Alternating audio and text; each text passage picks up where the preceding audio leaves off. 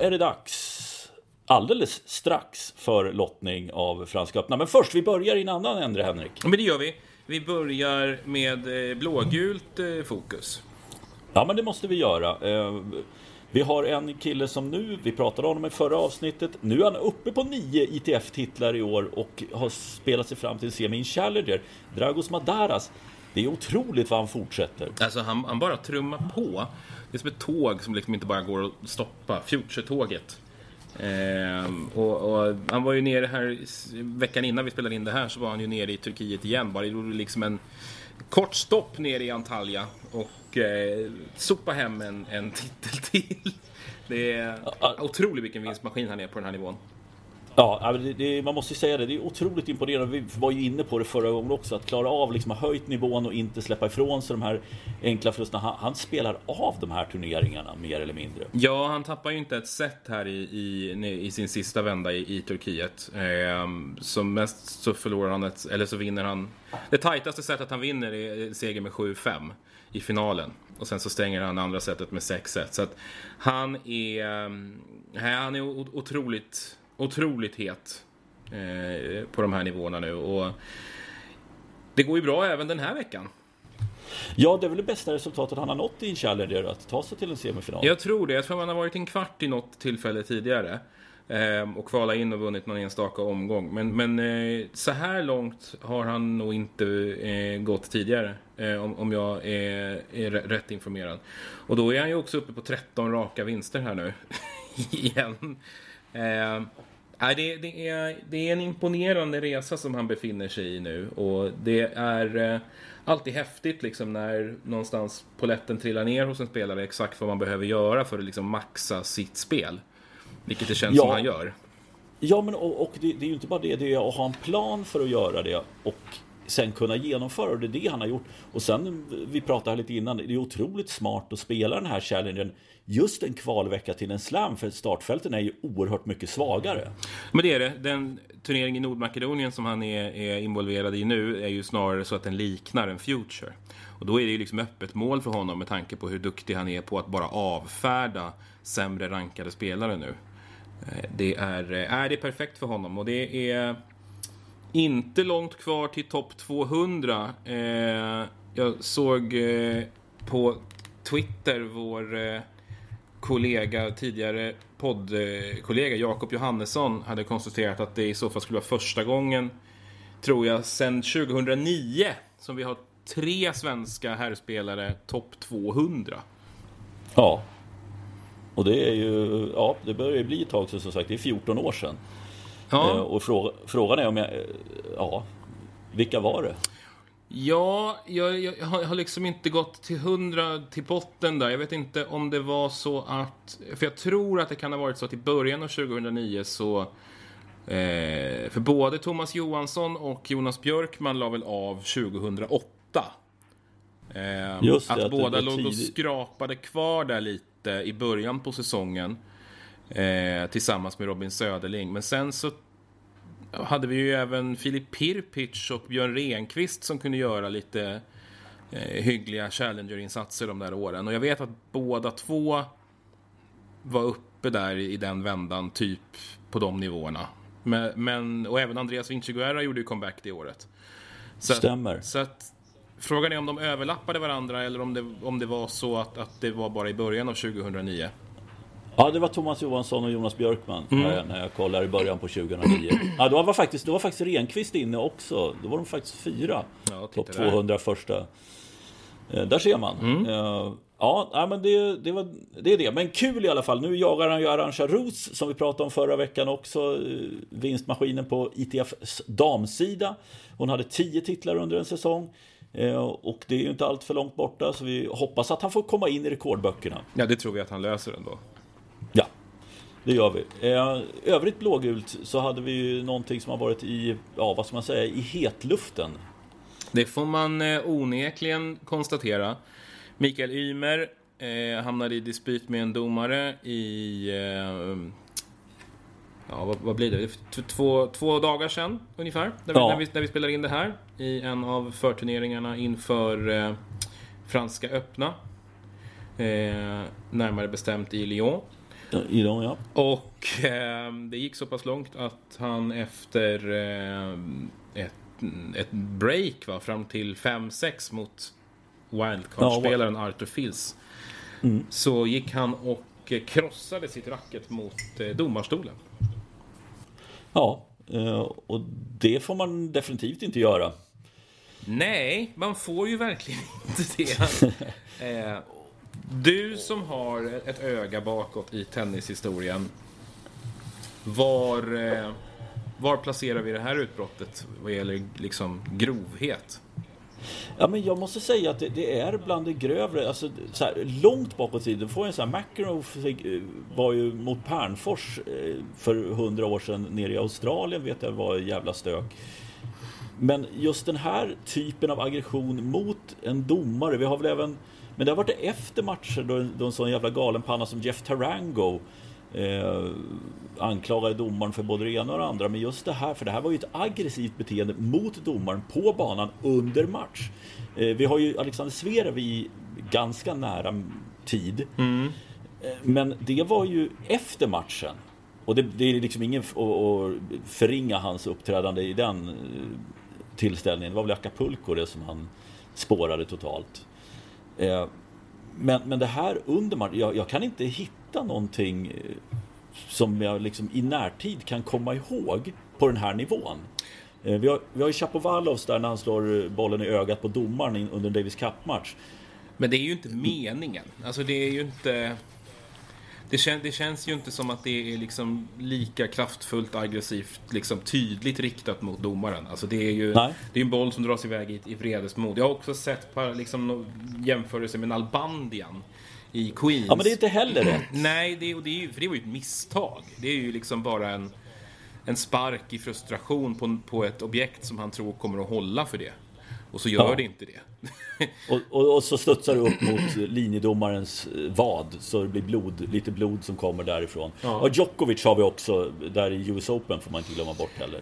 Ja, och det är ju också bara ett obetänksamt ögonblick egentligen. Alltså det, det, ja. det är ju inte liksom en, en riktad aggressiv handling. Eh, det är ju bara liksom en, en, en eh, ja, men ett obetänksamt ögonblick egentligen. Så att... Ja. Jag håller med. Det här, det här är bland det värsta jag har sett faktiskt i att, att eh, bete sig eh, gentemot en, en domare. Eh, det imponerar verkligen inte, måste jag säga. Nej, och det är lite...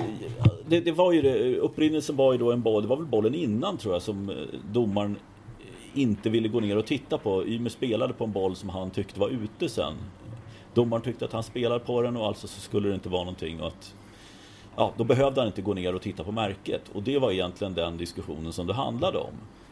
Ja, eh. och i, i sak så har ju domaren rätt. För att eh, han, spelar ju, han spelar ju på bollen. Och, och liksom mm. väntar in och ser var, den, var, var hans tillslag hamnar någonstans. Så att han, han har ju rätt. Sen har det ju kommit fram eh, kritik mot den här domaren för liksom, att han är opedagogisk. Att han är dålig på att förklara för Ymer exakt varför han inte går ner och tittar på det här märket. Liksom. För att, ja. jag vet inte, det, det, det framstår ju hos liksom, Ymer att han inte förstår varför han inte går ner. Eh, det vet jag ju inte om det är, är sant, liksom. men, men eh, eh, så är det i alla fall. Och det här eh, kan bli dyrt. Ja, det kan det. Eh, det. Jag var lite fundersam på om det skulle bli faktiskt rendera i en, i en avstängning från touren. Mm. Eh, pengar kommer det bli, absolut. Vi får se om det matchar Gastons 133 000 euro. Eh, det, det vet jag tusan om de kommer göra, men, men eh, jag måste säga att det, det, jag skulle inte bli superförvånad om man faktiskt blir avstängd. Nej, jag skulle inte heller bli det. Vi har ju, det har inte kommit någonting än. Eh, det är, det är, jag skulle inte heller bli förvånad om det, om det kommer någon form av avstängning. Böter kommer det ju definitivt att bli. Som att Zverev åkte på, var det 40 000 euro eller något sånt där?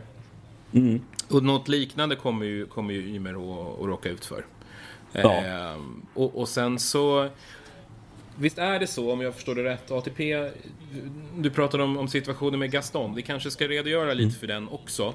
Eh, Hugo Gaston eh, fick ju en massiv bötessumma på ungefär en och en halv miljon här, ja. här för eh, några dagar sedan bara. Eh, anledningen var att han mitt under pågående spel kastade ut en boll ur fickan. Eh, och för att liksom störa eh, och, och, och avbryta en poäng som han är på väg att, att förlora. Så, och det här var tredje gången, eller var det en, ännu fler gånger som han åkte dit för unsportsmanlike conduct? Ja, det, det, var, det, det var en, i, en, i en serie av tidigare förseelser ja. inom samma... Och det som, så som ATP har lagt upp det är ju att man eh, Bötesstraffet ökar ju för varje eh, förseelse som man begår.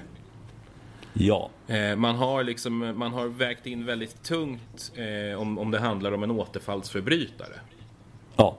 ja. Och i Gastons fall så fanns det ganska många förseelser sedan tidigare. Eh, och det där är ju alltid intressant att, att, att, debattera för att det som han gjorde, liksom bötesstraffet för den enskilda förseelsen står ju inte alls i proportion till vad som faktiskt skedde. Nej, Nej, nej jag, jag, måste säga att jag, jag lyfte verkligen på ögonbrynen när man såg den summan. För det var ju så här, oj, det här har jag aldrig sett någonting som varit i närheten av. Som jag kan minnas i alla fall. Nej, och sen så kan jag känna att det är lite stelbent också. Eh, jag tror inte att ATP tar någon hänsyn alltså, runt hur mycket en spelare tjänar. För att för Hugo Gaston är ju här astronomiska pengar naturligtvis. De, ja. de har han ju inte. Det, det, det är ju en kille som liksom är i gränslandet mellan ATP och Challenger. Han, han har ju naturligtvis inte Han har ju inte naturligtvis en en och en halv miljon som ligger och skräpar. Nej, han borde inte ha det i alla fall. Det, det är... sen, kan, sen kan jag inte redogöra för hans familjeförhållanden och, och, vad han har för liksom specifik backning. Men, men rent generellt, den typen av spelare som, som är eh, i, på de nivåer som han är.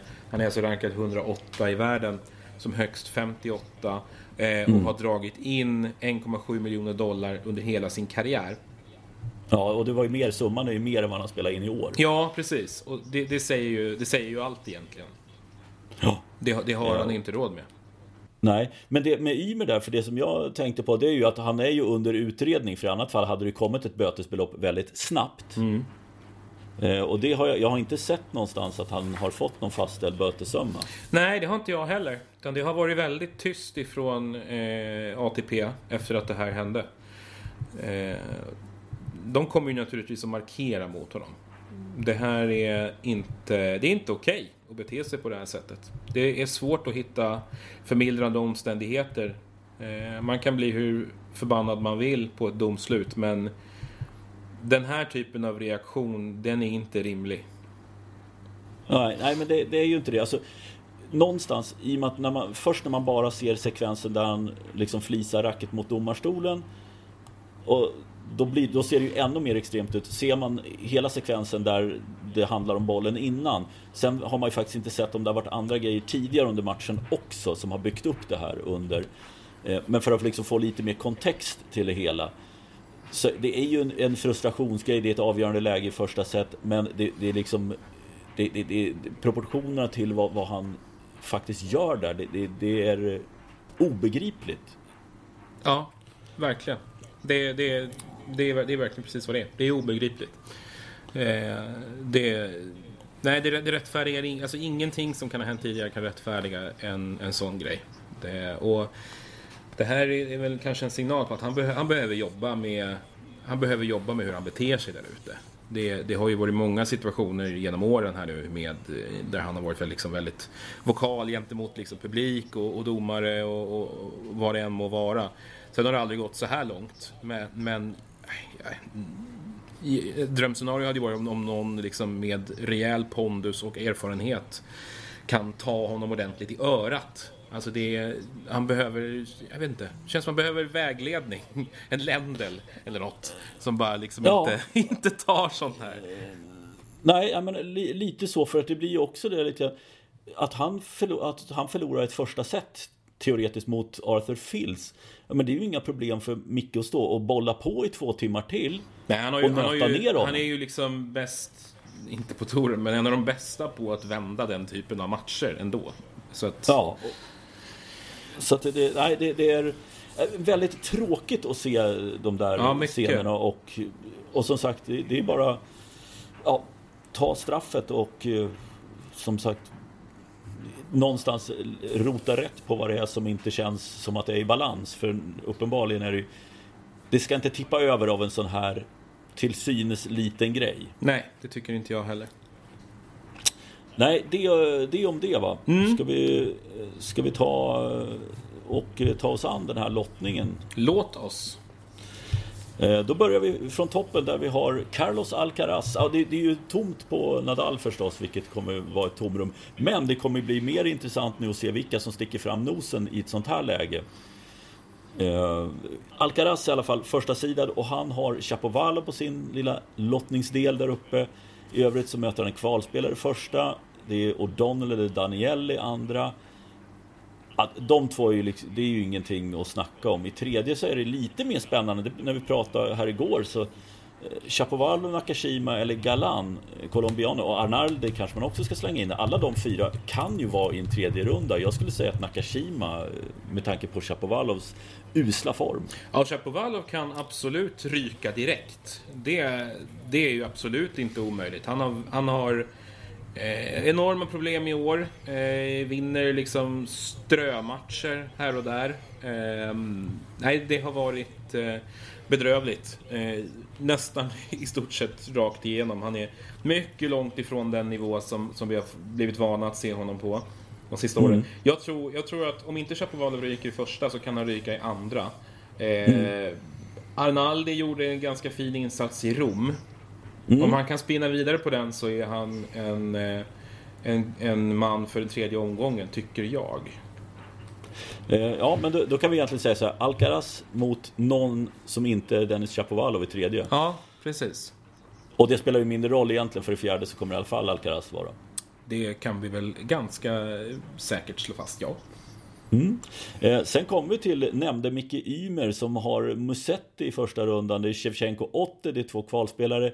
Det är en uh, wildcardet Benoit Per och Cameron Norrie. Mm. Eh, Musetti har väl inte övertygat speciellt mycket under vår Men, eh, och, och Norrie går eh, Grus är inte hans favoritämne. Han lyckades irritera Novak Djokovic. Mm. Eh, men jag måste ändå säga att Norr är ju ändå så här, han vinner lite matcher hela tiden så jag skulle mycket väl kunna tänka mig att han är framme i en fjärde runda faktiskt. Ja, jag, jag har också satt honom eh, framme i, i, en fjärde omgång. Eh, jag tycker att... Eh, nej men precis som du säger, han vinner ju sina matcher lite här och lite där.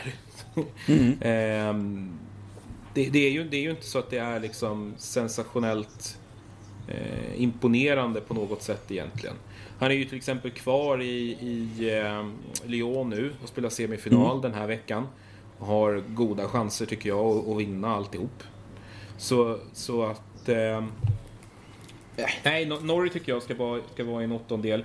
Eh, vad gäller Ymer... Alltså, Mosetti är ju en sån humörsspelare, känns det som.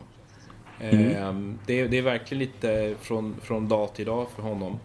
Han har ju gjort några, några bra insatser, har ju slagit Novak Djokovic till exempel eh, den här säsongen. Eh, men men det, är, det är lite från, från dag till dag på honom.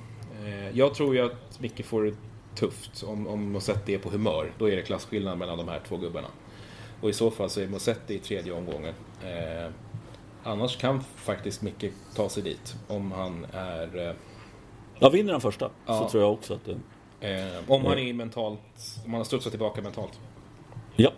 Eh, flyttar ner då. Felix Ogier Aliasim skadedrabbad. Eh, ingen vidare insats här senast. Eh, möter Fognini första, men han har ju en, om ännu, ännu svagare sidad spelare på andra sidan i Sebastian Korda som vi hade förhoppningar på, men det sabbade sig av skadan för amerikanen jättesvår del tycker jag. Alltså, och Gerald Yassim skulle jag vilja sätta fram där framme, men just eftersom man inte är övertygad. Problemet är att jag har ingen annat alternativ egentligen. Alltså så här. Eh, och Gerald Yassim drog sig ju ganska precis ur eh, Lyon också. Eh, mm. Arthur Fils som ju fick eh, skickades vidare till nästa omgång efter att eh, Ymer blev diskad. Fick också ett VO nu då mot Oshar Aliasim och är plötsligt framme i semifinal. Så en jävla kanonvecka för honom.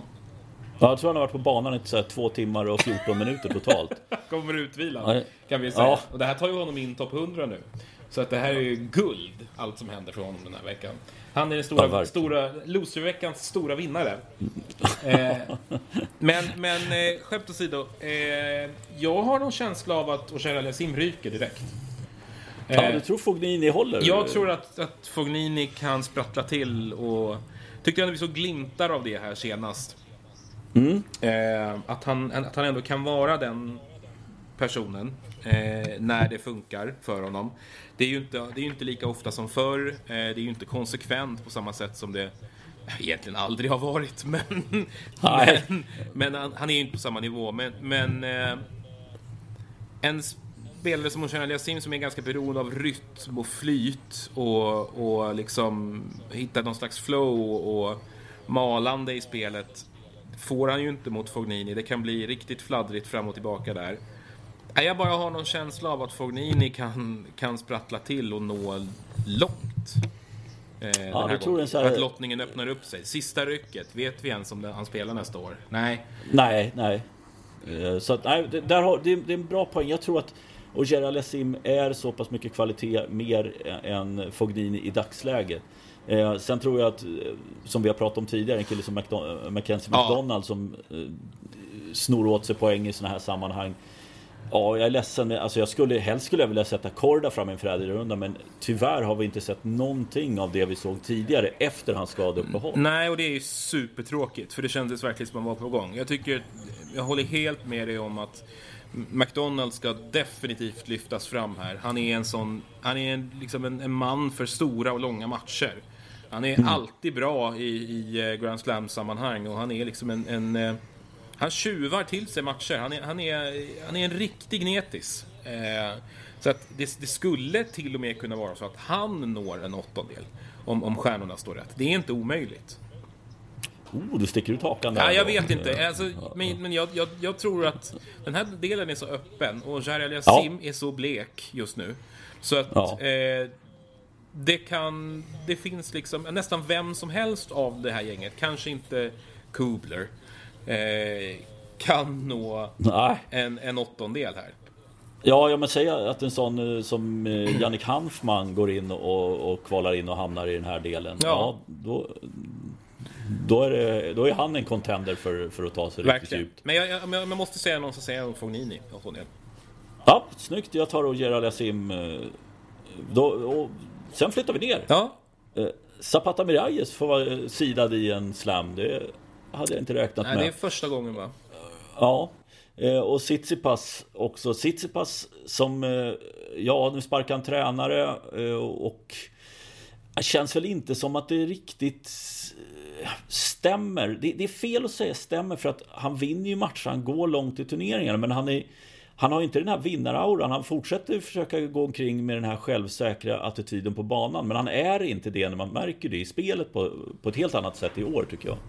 Eh, nej, jag håller, eh, jag håller med dig. Eh, det är ju något sista, någon sista grej som fattas Eh, han är ju inte liksom de stora titlarnas man. Han är ju ingen supercontender. Han är ju inte framme hos Medvedev, Alcaraz, eh, Djokovic och även Rune då.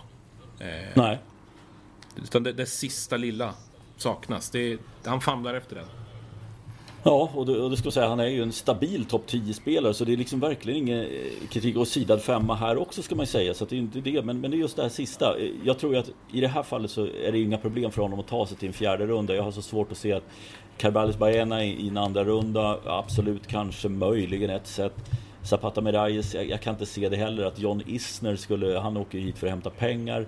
Nuno Borges eller en Diego Schwartzman som ta fan inte hittar liksom fram och bak på tennisväskan. Nej, det, det, ska vi ju kanske stanna upp och konstatera. Att vi, vi har ju pratat om Diego Schwartzman som en, en notoriskt överrankad spelare i egentligen ja. ett par år nu. Och nu har ju den stora dippen kommit. Han är totalt lost. Han har, ja, han har vunnit fem av 19 matcher på touren i år. Ja, det, det, ja, det säger det mesta. Han är rankad 93 idag och jag undrar om det inte... Det måste ju fortsätta neråt också för det jag undrar knappt var han har fått poängen ifrån här i år. För att som du säger, fem matchers vinster i år. Det, det är inte... Nej, det, det, är, det är tungt och, och tittar man här på, på gruset sen... Ja, egentligen sen, sen Estoril så har han alltså vunnit två matcher om jag är rätt ute. Ja. Det är ju inte alls likt honom. Det är ju inte alls vad vi har varit, varit vana att se. Men, men det har varit en... Ska man vara helt ärlig så har det varit en nedåtgående spiral i, egentligen i flera år. Som, ja. som han på något sätt lyckas häva genom att plocka poäng på rätt ställe. Eh, men, men nu klarar han inte ens det. Och, och det är, han ser inte bra ut alls. Det är, det är riktigt tung säsong för Schwarzman. En, en, en jätteras verkligen. Ja, det blir nog snart ner på Challenger-touren och vända. Det blir det. Eh, eh, men det, vi behöver inte prata så mycket mer om att Tsitsipas är i fjärde rundan. Nej, det, det, kommer han ju att lösa. Och förmodligen så är det Zapata Miralles som han får ta, i, ta sig förbi i omgång tre då. Ja. Eh, flyttar ner och där har vi Novak Djokovic, eh, mm. sidad trea och eh, Davidovic Fokina som sidade spelar där. Lite kul, för jag, jag, tror att det är de två faktiskt som kommer stå där i tredje rundan. Ja, det tror jag också. Eh, och det är väl ingen eh, jätteskräll om, om, om Djokovic också når en åttondel. Men eh, sen är det ju det här med armbågen. Mm. Eh, det är svårt att veta. Det var lite grann, man vet liksom inte riktigt vad hans... Man vet att han har problem, men inte med vad han har problem. Nej. Någonting är det ju som påverkar honom. Eh, mm. Jag satt och tittade om matchen mot Rune. Jättespännande och, och bra tennismatch på alla tänkbara vis. Men unik så tillvida att det är en match som Djokovic under liksom hela sin... Ja, men säg, säg sen 2011 när han fick sitt supergenombrott. Eh, mm. Som han i stort sett aldrig har förlorat. Om inte motståndaren har hetat Rafael Nadal. Eh, vi pratar ändå kombinationen grus, stort sammanhang och en spelare som inte är liksom en, en tokservare på andra sidan. Mm. Det, som, det som var lite... Han hade ovänt, alltså han fick liksom spö av Rune i returen. Det... Ja, det är verkligen noterbart. Ja. Det, det, det är anmärkningsvärt hur lite poäng han vann i Runes första serve. Vi var nere på nivåer om... Jag tror han var nere på liksom vann 21-22 procent av poängen i, i Runes första serve. Ja, och det är ju liksom inte från en... Ja, men jag vet, du, du var ute på Twitter också och skrev, men för det är ju det är långt ifrån en stor server, så det, det är liksom där som det, det är inte riktigt klaffar helt enkelt. Nej. Och vilket är hö, högst anmärkningsvärt, för det är ja, precis där... Precis. Och, det där är ju hans bread and butter, höll ja, jag på att säga. Men, men... Ja, men, det, precis. Det, det, det, det, är ju, det, är ju det han har varit så himla bra på. Och, och jämförbara, liksom, tittar man på när liksom, han hade haft motsvarande siffror på grus, ja, men då, har liksom, då, har det, då har det handlat om liksom, jätteservare som han, som han har förlorat så mycket poäng i, i liksom, motståndarens första serve mot. Ja. Och det, det tyder ju på någonting. Alltså, ingen kan ta ifrån Rune att han gjorde en jättebra match och att han att han har, eh, att han har liksom en, en, ett enormt spel i sig. Men, men det, det, säger ju någonting om att det står ju inte 100% rätt till. Han är inte... Han spelar inte som en världsetta och det är någonting som, som står i vägen för honom. Mm. Eh, då blir det ju intressant att se liksom vad, vad han lägger krutet. Är det här eller Wimbledon just det här med ja, men maxar ut där. Man kanske får se honom göra en Nadal eller något sånt där. Att nej, men jag jag, jag, spelar ut de här Europa och sen så tar jag skadeuppehåll för att bygga, bygga upp mig inför nästa säsong. Ja, det, kan, det kanske inte är helt omöjligt. Alltså Wimbledon är ju hans stora... Det, det är ju hemmaborgen tillsammans med Australien. Ja. Det är ju den han ska ha. Eh, franska, där, men där har det ju liksom snarare handlat om att han ville vinna där. Eh, och, och, det har han ju gjort. Och nu finns det liksom ingen Nadal att besegra. Jag tror... Det är svårt att veta, men, men att det kanske kommer att kosta mer än, än det smakar. Att, att försöka sig på att liksom slänga in ett jättebud för att vinna den här turneringen. Det kommer att kosta ja. på hans kropp enormt. Och han vet ändå att han går mot Alcaraz i en semifinal. Ja. Ehm, och där kommer det att krävas det kommer krävas mycket alltså. För att ta honom. Ja, nej, men jag är med. Det, det, är någonstans här liksom. Är han i så pass bra form att, att kroppen vet att han, han liksom har beräknat att kroppen håller för det här och sen så är det Wimbledon. Mm. För jag, jag har svårt att se att han spelar någonting emellan. Han har inte gjort det när han inte har behövt göra det emellan. Eh, att, ja men okej, maxa ut. Eller så är det så att han, han kör så långt det räcker här i franska. Och räknar inte med en seger helt enkelt. Nej. För att sen gå fullt ut för Wimbledon. Han har ändå gjort en del för att ta ner förväntningarna. Han har ju ändå varit ganska tydlig med att det känns inte helt hundra. Nej. Uh, och det, nej, det, det, det är verkligen spännande att se honom här första veckan. Verkligen. Man br brukar ju inte säga att det, att det är intressant att se de här stora spelarna första veckan. Men i det här fallet kan det faktiskt vara det och se hur han agerar på, på banan helt enkelt. Ja, och en fördel han har är att han kan... Om inte en sån som Martin Fuksovic kommer in och är jätteomöjlig, han, han har ju ett, ett väldigt fint spel i sig. Eh, men om han skulle få stryka av en sån som Grenier till exempel, då, då har han ju en ganska behaglig start eh, på turneringen. Sen så en, en Davidovic Fokina, där måste han ju ändå ta i. Ja, för, för spanjoren brukar ju faktiskt kunna göra en hel del bra turneringar. Liksom, han är sidad som nummer 29 och, och han, ja, men visst, han, han torskar en hel del, men sen tycker jag att i vissa turneringar är han väldigt bra och höjer sig väldigt mycket egentligen. Verkligen. Kanske överpresterar eller vad man ska säga, för att det, blir, det svänger rätt mycket i hans vilka segrar han tar och vilka förluster han åker på. Mm. Helt klart. Eh, men det, det, blir en bra värdemätare i en tredje runda mot eh, Davidovic Fokina. Mm, det blir det absolut. Eh, vi flyttar neråt då, för här tror jag att här kan det hända grejer. Eh, Bautista Gutt och Hurkarts sidade. Bautista Gutt tycker jag har varit, eh, om inte usel så har han varit dålig. Eh, jag tror att han skulle kunna åka på redan i, i första rundan här om det vill sig väl. Men Wu drog ju sig mot i kvarten här i, i, eh, i Genève. Mm. Och det är väl det orosmolnet att kommer han ens till start här Ja, för, för det känns ju inte som att, att Wu är, är i en situation där han liksom eh, kliver av lite grann sådär, bara vill känna lite på formen i en sån här turnering. Han spelar väl för att han vill gå så långt som möjligt oavsett sammanhang. Ja. Precis, så att där, där är ett stort frågetecken. Är Wu hel, då tror jag faktiskt att Wu vinner mot Bautista Agut i första rundan. Så kan det absolut vara. Eh, det, jag, jag håller med dig att, att Batista Gutt har, in, har, inte haft någon kanonsäsong. Eh, och det, men ja, jag vet inte. Det, det, det är lite 50-50 där. Jag har ändå satt honom i en tredje omgång. Eh, just mm. för att det är ingen superstark del av startfältet. Eh, jag tror ju att han kommer att möta Hurkacz där. Även om Hurkacz inte heller har spelat superbra på, på gruset. Nej, det, det är väl... Han vann två matcher i Monte Carlo.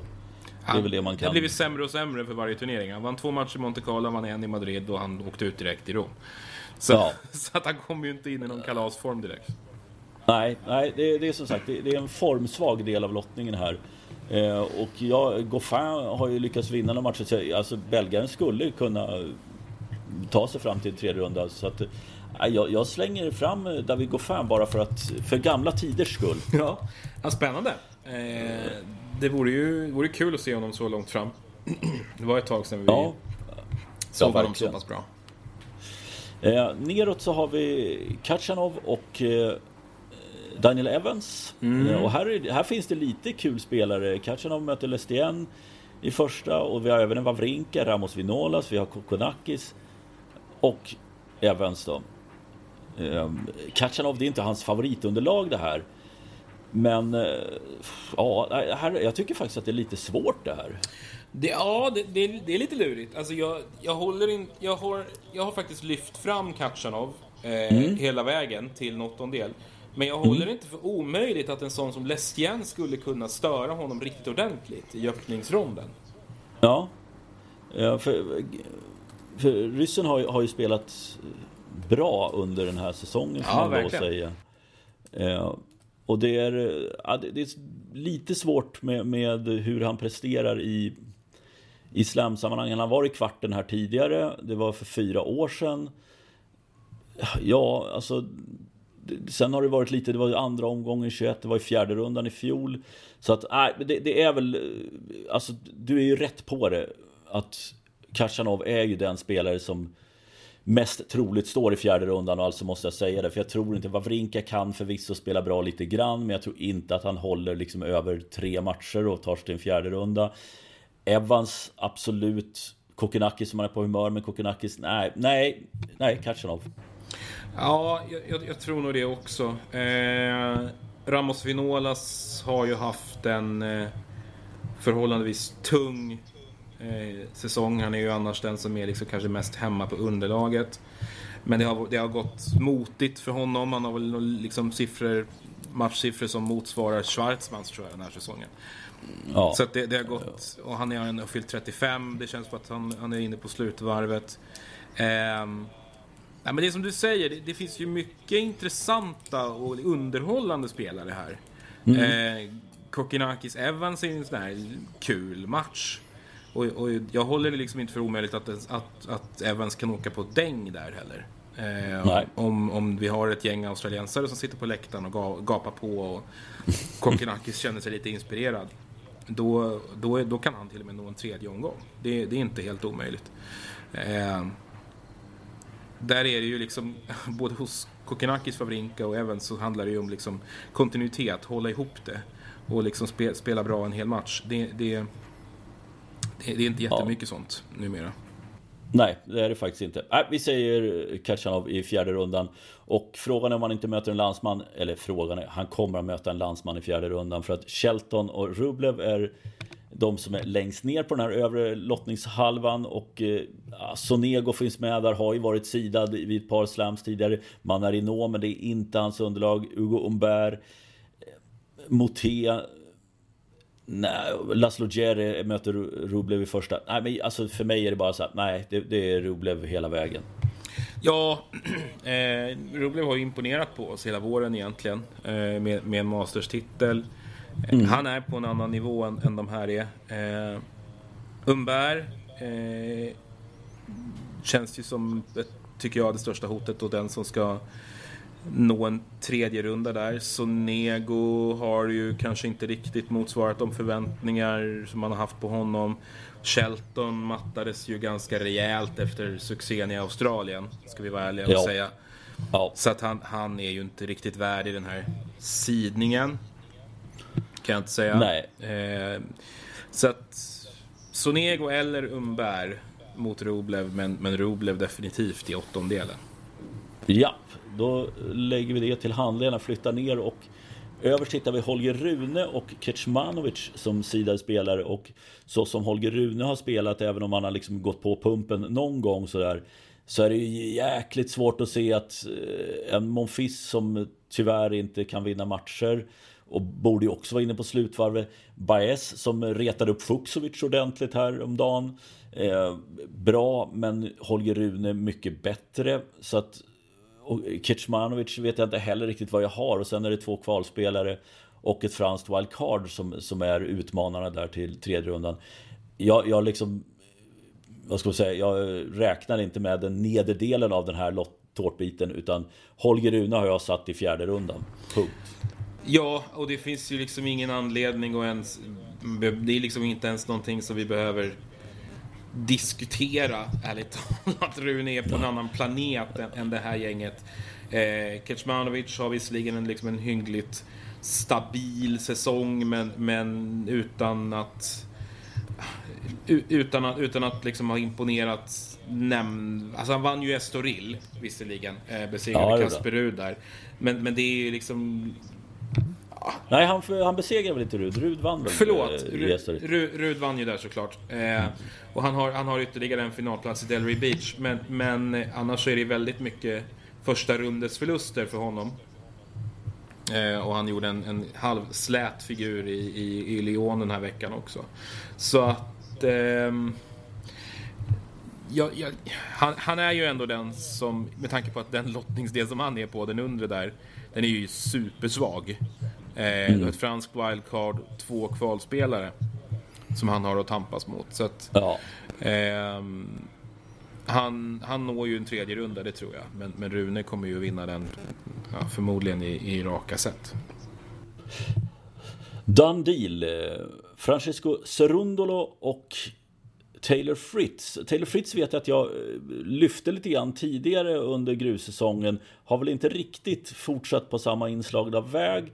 Eh, Cerundola lite upp och ner. Jag ser ju, alltså argentinaren, spelar han bra då, då står han i en fjärde runda mot eh, Rune. Och det är faktiskt det, det namnet jag har satt dit. Eh, när man faktiskt kom, när vi kommer så långt. Ja, men jag, jag håller med dig. Och, och Cerundolo har, har ju ändå eh, gjort, liksom haft en ganska positiv första halva av säsongen tycker jag. Eh. Han är också kvar i, i Lyon. Eh, har en, också en god chans att, att tampas om, om en slutseger där. Vilket ju naturligtvis gör att han kan komma lite trött in i den här turneringen. Men jag tycker han har en... en eh, jag menar, han, han, har, han har tagit flera fina skalpar. Han har besegrat Rud, han har besegrat Sinner den här säsongen. Mm. Han, har, han, har, helt enkelt varit en, en, en positiv, eh, jag kan inte säga överraskning, men han har, han har, han har gjort det bra hittills helt enkelt. Mm. Och, och, han är ju minst sagt den som är mest bekväm på underlaget av det här gänget. Så att jag, jag sätter honom i eh, åttondel mot Rune. Eh, Fritz får stå tillbaka. Japp. Eh, Fritz landsman Tommy Paul är sidad. Så är även Jan Lennart Struff. Eh, och det här är väl inte heller någon riktig rackarökare till eh, lottningsdel? Nej, det får vi väl ändå vara tydliga med att säga. Eh, den 16 sidning som Paul har, eh, den eh, är honom ju inte riktigt förtjänt. Men, men det här är ju en av de absolut sämsta delarna av lottningen överhuvudtaget skulle jag säga. Ja.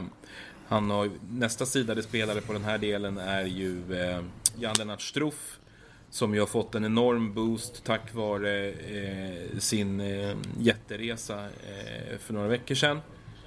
Och... Eh, ah, svårt, svårt egentligen att veta vem, vem, det man ska, vem det är man ska lyfta fram i det här läget. För du har eh, en spelare som har överpresterat enormt i en turnering. Eh, det är väl i så fall... Ja, Lehetska kanske. Ja, det, det namnet dök upp. Men sen får man inte glömma bort också, vi har, vi har ett namn till där som är med. Eh, Jary, mm. chilenaren. Han är, slog ju faktiskt Kasper Rudar i kvarten av Genève, i Genève och eh, spelar semi där. Eh, jag ska faktiskt säga att Fritz är kvar i, i Genève i, i semifinal också.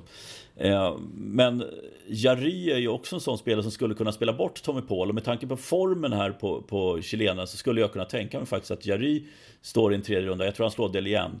Eh, Lehetska, eh, ja det, det är faktiskt inte omöjligt för Struff är ju inte en stabil spelare som är sidad. Han känns ju som att han presterar när han liksom slår underifrån. Ja, verkligen. Lehetska ska vi dock säga att han, han har kommer ju inte in i någon superform utan det här är mer litet liksom ett, ett skott från höften från min sida. Eh, mm. drogs, spelade kval till Challenger i Turin häromveckan.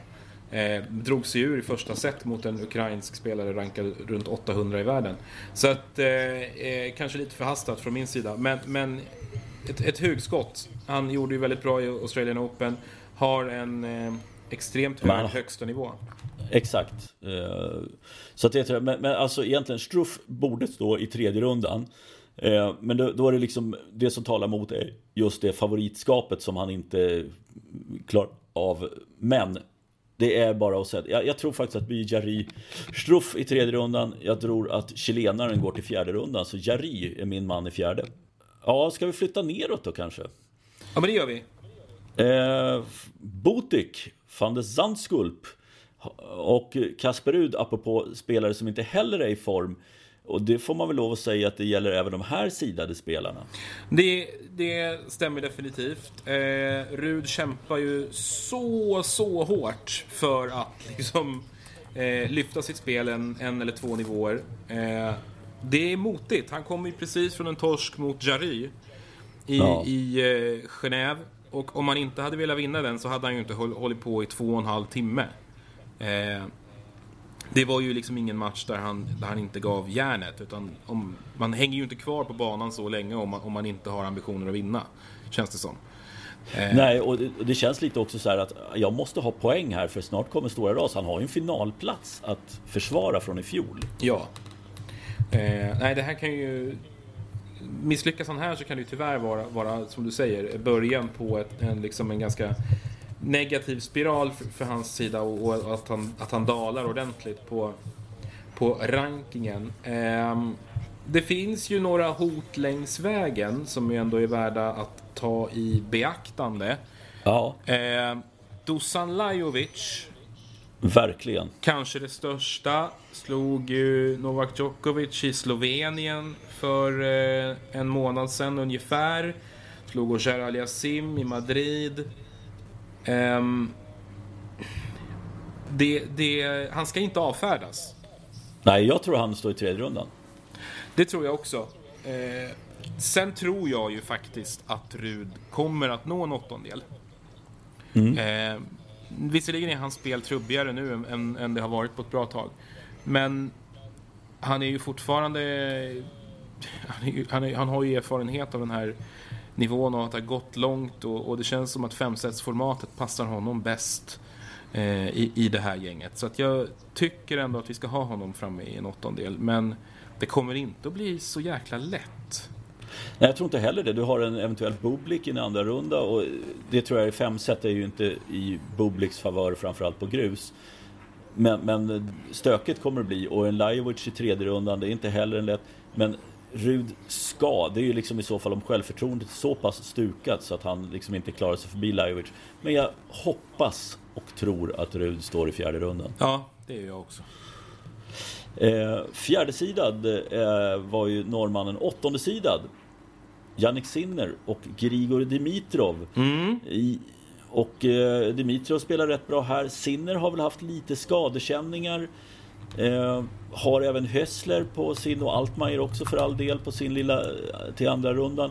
Men där har jag egentligen snabbt satt jag ner Jannik Sinner i en fjärde runda. Precis som du säger, kan, liksom lite frågetecken för eh, skadesituationen där. Eh, spelade ju inte i Madrid och drog sig ur skadad i, i Barcelona. Eh, sen sen eh, okej okay insats i Rom. Eh, men vi får väl anta att han någonstans har tagit det lugnt här för att komma i form till den här turneringen. Mm. Eh, jag tycker att vi ska ha honom framme i en, i en åttondel. Eh, med viss reservation då för att eh, det kan vara lite stökigt på skadefronten. Något egentligt hot. Eh, Häusler är, är duktig, en duktig spelare, mm. naturligtvis. Där kommer han få jobba. Dimitrov är väl förmodligen den han kommer att möta i en tredje omgång, men han har ju inte längre vad som krävs över fem set. Nej, jag, jag, har så svårt att se det. Jag, jag, man vill se Dimitrov som, som han var för ett par år sedan, men, men jag ser inte det nu. Även nu, återigen, han spelar bra den här veckan.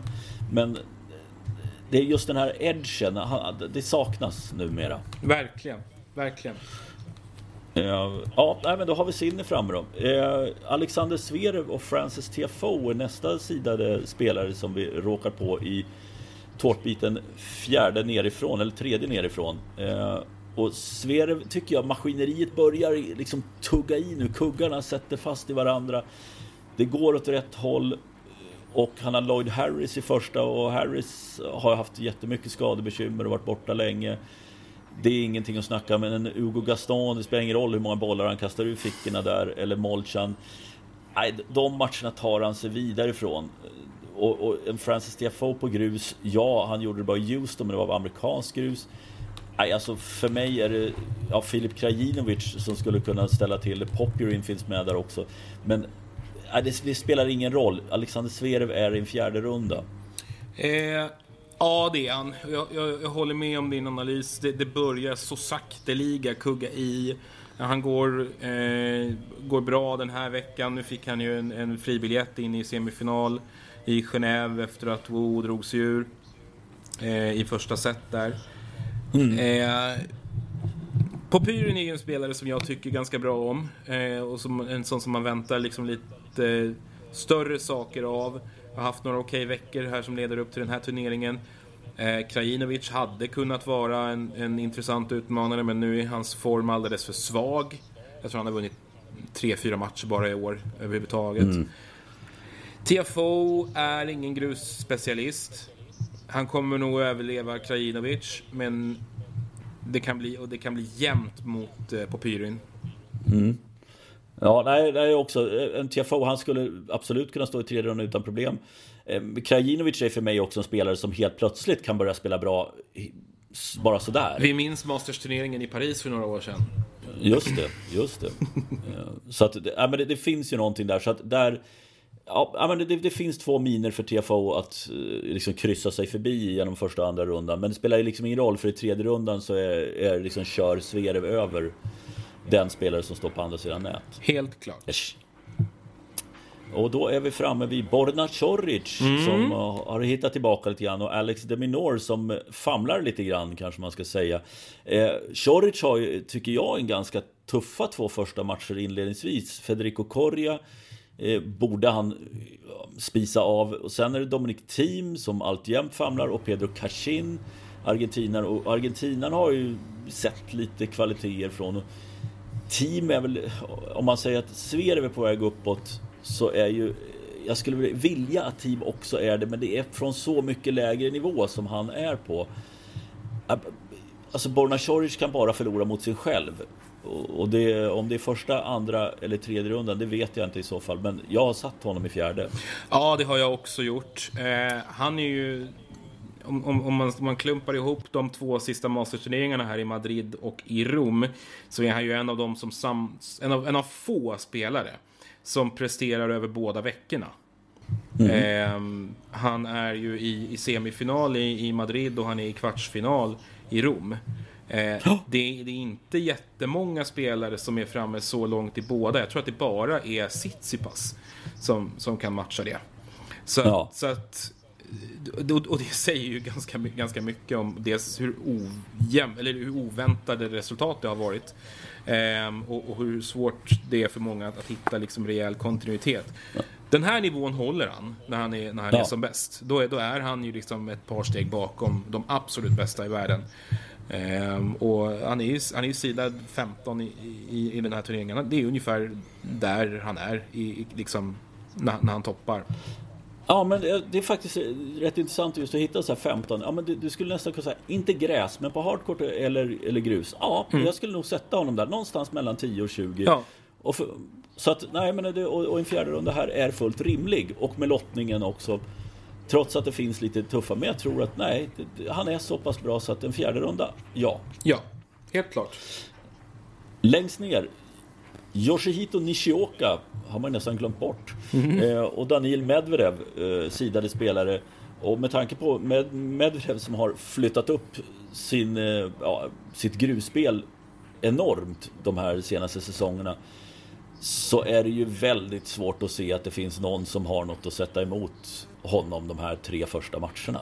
Ja, det är en helt annan nivå som han har hittat på det här underlaget som han ju från början har tyckt så fruktansvärt illa om. Eh, men nu verkar vara betydligt mera kompis med. Sen ska vi ju också slå fast att, att han, är ju, han är ju framme och, och vinner. Eh, vinner ju i Rom också. Mycket på grund av att andra spelare inte är där eller inte är hundra i form. Eh, mm. men, men, ingen kan ju ta ifrån honom den segern. Och, och, så som lottningen ser ut nu så är han ju en av liksom finalfavoriterna på den undre halvan. Så är det ju. Ja. Det går, det går liksom inte att komma ifrån. Och, och, och just den här lottningsdelen, det, det, är så svårt liksom att JJ Wolf, Yoshito Nishioka, mm. Max Purcell eller Jordan Thompson ska utmana i en tredje runda. Nja. Och en kvalspelare i första, Peja eller Quentin Alys i, i andra rundan. Nej. Nej. Det, det, det, finns liksom ingenting i det som, som går att hitta tycker jag. Nej, inte jag, tycker inte jag heller. JJ Wolf är ju en kul karaktär som har spelat hyggligt här på slutet. Eh, han skulle kunna nå en tredje omgång, men han är ju naturligtvis har han ju ingenting att sätta emot Medvedev. Nej, nej. Så han är, ja, men... han är gjuten i åttondel. Ja, ja, men om vi tar det nerifrån då. Medvedev Choric. Yes. Sen har vi Sverev och Sinner. Samma här för mig. Och det är Rud och Jari satte jag. Ja, jag, jag, jag vacklade lite mellan flera olika spelare där, men jag, jag väljer också Jari till slut. Eh, sen hade vi så mycket som Serundolo och Rune va? Mm, är vi överens igen. Fan, jag tror vi är rakt igenom ja, överens jag tror här. Nästan det. Ja, eh, Rublev Kachanov. Yes, samma för mig. Uh, och här var det väl... Nej, här slängde jag fram Goffin ja. Just det, och jag höll eh, sidningslinjen där med Hurkacz. Uh, ja. Och mot Djokovic. Ja. Och sen var det Tsitsipas och... Ja, sen var det väl... Jag petade väl fram Ogier Aliasim där va? Ja, och jag tror på skräll för Fognini. Just det. Uh, och sen hade vi Norrie och Alcaraz. Ja. Ja, det var det. Det var första veckan det. Det var det. Ja, då, då tar vi och eh, återkommer med fortsättning då om eh, en dryg vecka. Det gör vi. Eh, när vi har ett, lite kvartsfinaler redo så, så hörs vi igen och pratar ner lite grann vad vi har upplevt från turneringen så här långt. Absolut. Eh, hej så länge. Hej då!